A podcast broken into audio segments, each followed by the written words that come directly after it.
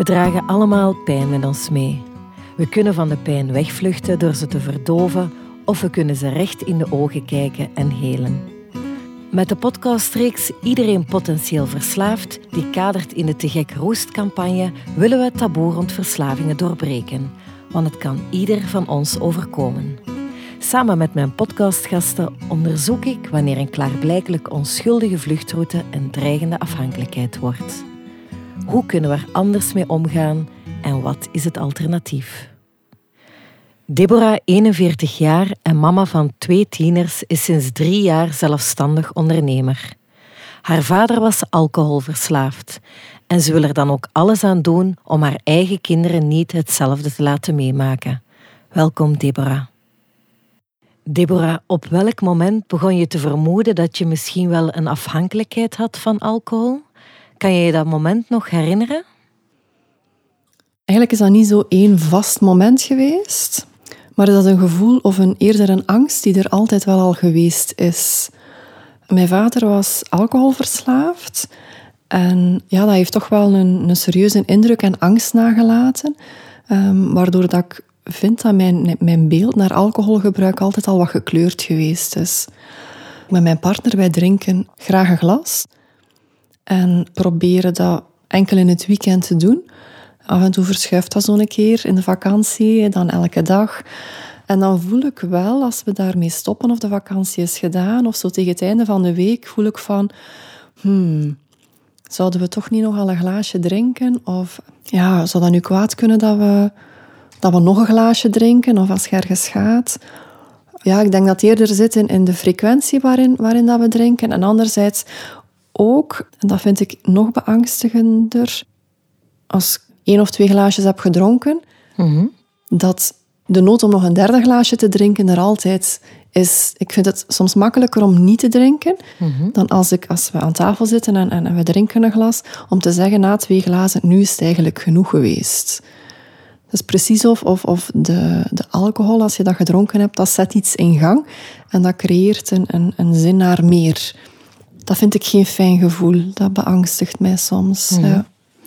En als je zegt van zin naar meer, wat brengt alcohol jou dan op dat moment? Oh, vaak is dat rust. Eventjes ontsnappen. Ja, ik ben, ik ben iemand die heel vaak of veel in mijn hoofd bezig is ook, met heel veel dingen tegelijk. En vanaf het moment dat je dan iets drinkt, dan zakt alles zo'n beetje. Gaat alles wat, wat smoother, zo, wat, wat zachter. En dat is een gevoel dat, dat fijn is. En ik denk door, door dan nog te drinken, dat ik, of dat ik op zoek ga om dat gevoel wat vast te houden. Eh, dat gevoel van rust. Dat als je een glaasje drinkt en daarna niks meer, dat je dat gevoel hebt weg. Dat ik zo soms op zoek ben, denk ik, naar hoe kan ik dat gevoel hier nu vasthouden. En zijn er momenten waarop dat je dat meer nodig hebt? Kan je, kan je, kan je omschrijven op welke momenten dat je daar meer behoefte aan hebt om die rust te krijgen door alcohol? Ja, dat is toch stressgebonden, merk ik. Ehm, en we zijn nu bezig ook met, met de opstart van de zaak. Ja, als zo'n hectische dag geweest is en, en in je hoofd zit echt vol en je voelt dat helemaal... eh, ja, dat, dat je zo nog spanning in je lijf draagt, ja, dan, dan is die drang er toch meer om, om, om op zoek te gaan naar iets dat dat, dat opnieuw helpt verzachten. We waren nu de laatste weken eigenlijk op donderdag ook al een glas wijn bij het eten beginnen drinken. Ik denk twee weken geleden had ik tegen mijn partner gezegd van ik wil eens een periode niet drinken, hè, om, te, om te zien wat dat, dat geeft. En om voor mezelf ook zo te weten van zit het nog oké? wat, wat, heeft, wat heeft dat te maken? Ehm, of, of hoe sterk is die drang? Kan ik daar nee tegen blijven zeggen? En dat was verbazingwekkend moeilijk. Heel moeilijk zelfs. Die eerste donderdag was het echt moeilijk. En had mijn partner toen niet gezegd, want ik had hem wel gevraagd om mee te doen. Als hij wel iets drinkt en ik niet, is het voor mij heel moeilijk ja, om te zeggen, ik, ik blijf, al, ik ga het ook niet doen. Als hij meedoet, was het, is het makkelijker. En donderdag zei hij tegen mij van, nee, we gaan dat niet doen. Vrijdag had hij het moeilijk. En was ik degene die kon zeggen, nee, we gaan dat niet doen. Het was wel moeilijk. En, en dat gaf eh, opnieuw zo wel een beangstigend gevoel van, oei, wat betekent dit nu? Waarvoor heb je dan schrik? ja, dat ik gelijk mijn vader ga worden. Hè. Ja. Welk beeld zie je dan voor jou? Ja, iemand die, die erg ziek was en die geen verantwoordelijkheid kon en wou nemen voor zijn eigen leven, voor zijn eigen problemen, die ze niet onder ogen wou zien en die, die daarin wegvluchtte. Mijn vader heeft altijd gedronken, alcohol is er altijd geweest. En op een of andere bizarre reden is het pas geweest als ik met hem naar de dokter ging, als de gezondheidsklachten zo ernstig waren. En dat, uh, dat de dokter benoemde van, ja, dat is omwille van langdurig chronisch zwaar alcoholmisbruik, dat dat precies binnenkwam bij mij en dat ik dacht, ja, dat is waar. En dat is er altijd geweest, maar ik heb dat nooit ervaren als een probleem. Als ik er nu op terugkijk, is dat heel duidelijk. En ik denk dat ik daar schrik ook heb, voor heb, dat ja, als dat zo geleidelijk gaat, dat, dat ik ook het moment ga missen waarop dat er moet ingegrepen worden. Mhm. Bij mijn vader was ik daar te laat voor. Mm Hoe oud was je toen, toen uh, dat je met je vader naar de dokter bent geweest en dat je besefte van... Mijn vader is ondertussen tien jaar geleden gestorven en dat was twee jaar daarvoor. Dus ja, ik was al van achter in de dertig, terwijl dat, als ik er nu op terugkijk, eigenlijk van als dat kind was, dat alcohol iets was dat altijd heel sterk aanwezig was en dat ik nu, om er, door erover te lezen ook, die, die stemmingswisselen en, en andere dingen die daarmee te maken hadden, dat dat nu allemaal duidelijker is geworden van ja, dat was toen al een probleem. Maar niemand heeft dat toen zo benoemd en, en zo beleefd, ik ook niet, maar ja, dan wel als het te laat was. Mhm. En daar heb, ik, daar heb ik schrik voor. Ja, want ik denk op het moment dat zo... Hè, dat je er dan over gaat en dat het echt een, een, een probleem wordt, een ziekte wordt, dat je, dat je niet meer de keuze hebt om, om te beslissen wat je, wat je doet, dat een drank je leven overneemt, dat je, dat je gaat liegen, dat je dingen stiekem gaat doen, dan zie ik heel veel dingen stoppen in mijn leven. En dat is iets wat ik ten allen tijde wil, uh, wil voorkomen wel. En voel jij je al verslaafd bij momenten? Of denk je dat je in de fase daarvoor zit? Hoe, kijk je naar jezelf op dit moment? Ik bezie mezelf nog niet als verslaafd. Maar ik zit wel in een, in een zone ervoor. Um, de vraag is natuurlijk hoe groot is die zone en, en waar mhm. zit ik dan? En hoe dat ik mij voel varieert een stukje in die zone van, van moment tot moment. Um, als we een periode niet gedronken hebben, uh, was het de eerste dagen heel moeilijk. En had ik toen de steun van mijn partner niet gehad, ja, dan was het mij niet gelukt, denk ik. Mhm. Ik voel ook als ik ehm, toch een glaasje dan drink, dat de stap om nee te zeggen tegen het tweede of het derde glas, dat dat ook moeilijk is. Ik, vind, ik voel dat ik het moeilijk vind om te zeggen, ik heb geen keuze. Maar eigenlijk is het zo wel. Maar ook niet onbegrensd. Er is wel altijd een, een moment waarop dat ik zeg, nu is het genoeg geweest. Wat is dat moment dan? Wat voel je dan of wat merk je dan waarop je zegt stop? God, dat is een beetje de fysieke gewaarwording ook. Dat ik voel zo die, die zachtheid en die smoothness, dat is fijn. Maar een keer dat, ik, ja, dat je voelt dat je erover gaat en echt dronken wordt, dat is niet meer fijn. Dat, dan, dan voel ik van, nu is het wel genoeg geweest. Vaak tel ik dan ook al van hoeveel glaasjes heb ik gedronken. En dan voel ik zo van, ja, vier is zo genoeg eigenlijk. Mm Ik praat daar wel over met vriendinnen ook. En, en ik probeer soms ja, naar een referentiepunt te gaan of te zoeken bij, bij hen of bij anderen. Van, ja, ik heb een vriendin ook die elke avond, elke avond twee glazen drinkt. Soms een keer wat meer. Uh, maar elke dag drinkt. En als ik dan daaraan denk, denk ik, oei, ja, bij mij zal het nog niet zo erg zijn. Maar ik heb, ik heb veel meer mensen natuurlijk die ik ken, die, die in de week nooit drinken of die in het weekend kunnen genieten van één of twee glaasjes en dan stoppen. En dat begrijp ik dan ook niet. Dat, dat zou ik niet kunnen. Mhm. Dus daar is zo die, ja, die grootte van, de, van, die, van die zone, uh, wordt daar dan wel duidelijk. En, en mhm.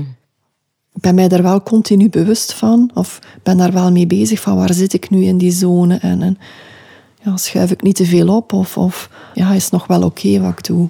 Je zei daarnet, alcohol brengt mij rust. Dat hoor je bij veel mensen. Heb jij ook alternatieven in handbereik? Zijn er andere dingen die jou soelaas bieden op momenten dat je heel gestrest bent, die jou rustig kunnen maken, andere dan alcohol? Ja, absoluut. Um, huisdieren. die helpen daarbij om rustig te worden als die bij mij zitten op de schoot. Zo konijntje. De poezen die komen niet graag op mijn schoot zitten, maar af en toe halen we het konijntje naar binnen. En die valt dan op slaap op mijn borst. En dan word ik helemaal, uh, ja, helemaal zacht en week. En dan staat alles even stil. En, en ja, daar laat ik zo van op. Mhm. Eh, maar dat is natuurlijk een dier. Je kan niet zeggen, nu ga je een uurtje bij mij liggen.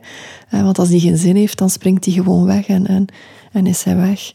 Ik kom ook tot rust door samen met mijn partner te zijn. Daar hoeft absoluut niet altijd alcohol bij te zijn. Het is ook een stukje ja, gebonden aan gewoontes, merk ik. S'avonds, weekend, gezelligheid. Waar ik ook rustig van word, is bijvoorbeeld gaan wandelen samen met mijn partner. Maar ja, s'avonds om acht uur ga je dat niet meer doen. Dus dat is zo wat een gewoonte geworden aan bepaalde dagen in de week, aan bepaalde gezinsmomenten ook. Zaterdag om half zes nemen wij samen een aperitiefje met de kinderen, spelen we gezelschapsspel. Hoort er zo bij. Hmm, en als je hmm. daar één iets uit wegneemt, dan is dat moment niet meer hetzelfde. Hmm. Dat is wel zo, of zo ervaar ik het toch. Een verslaving of een bijna verslaving is een manier om jezelf te verdoven, om niet te moeten voelen Welke pijn wil jij soms niet voelen? Er zijn heel veel periodes uh, geweest vroeger dat, uh, dat er heel veel pijnen waren die ik niet kon voelen, niet wou voelen. Zoals? Um, dat is heel persoonlijk.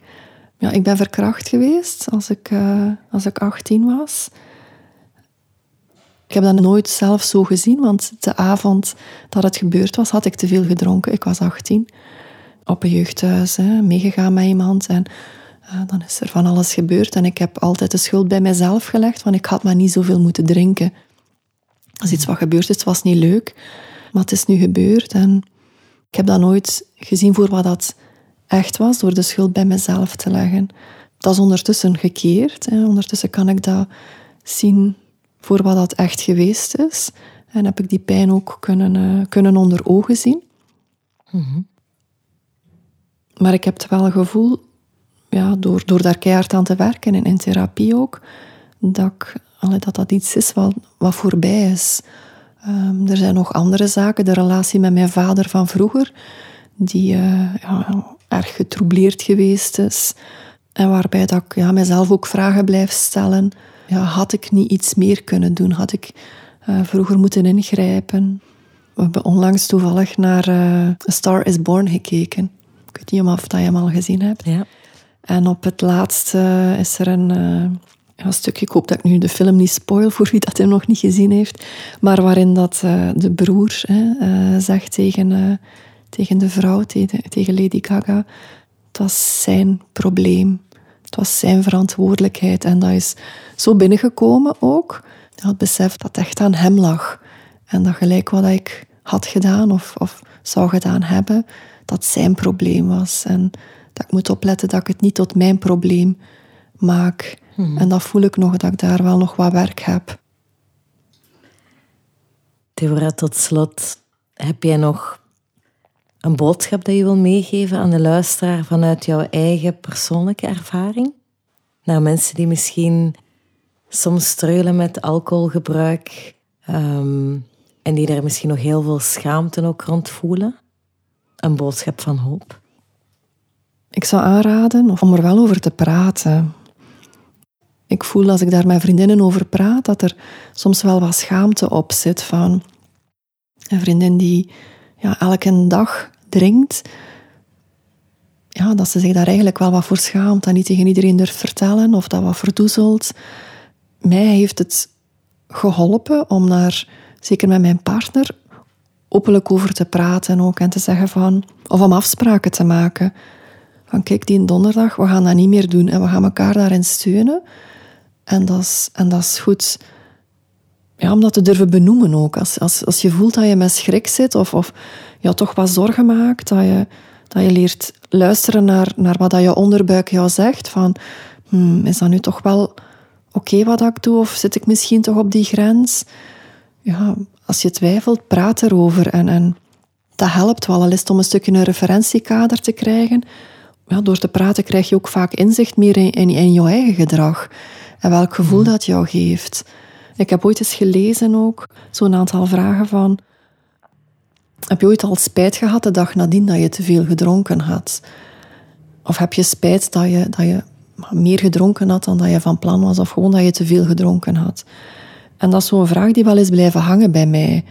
En die probeer ik mezelf af en toe te stellen. En als ik voel dat daar veel een ja op komt, ja, is ja, de moment om, om even op de rem te gaan staan en voor mij dan hulp van de partner te zoeken om te zeggen van kijk, nu een paar dagen uh, niet of op vakantie bijvoorbeeld, als je elke dag drinkt.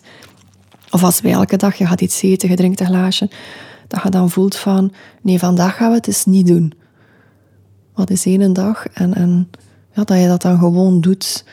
Als je buikgevoel zegt, misschien is het er nu toch een beetje over, dat je, dat je naar luistert en, en erover praat en toegeeft en dan, dan een stap onderneemt om, om dan ook iets niet te doen. Ja.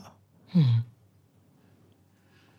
Deborah, merci voor dit eerlijke gesprek. Oké, graag gedaan. Deze podcast kadert binnen de Te Gek Roes-campagne een jaarcampagne van Te Gek in samenwerking met VAD, De Teruglijn, Museum Dr. Giselin en Unique ID. Praten over problemen met drank, drugs, medicatie, gokken of gamen is moeilijk.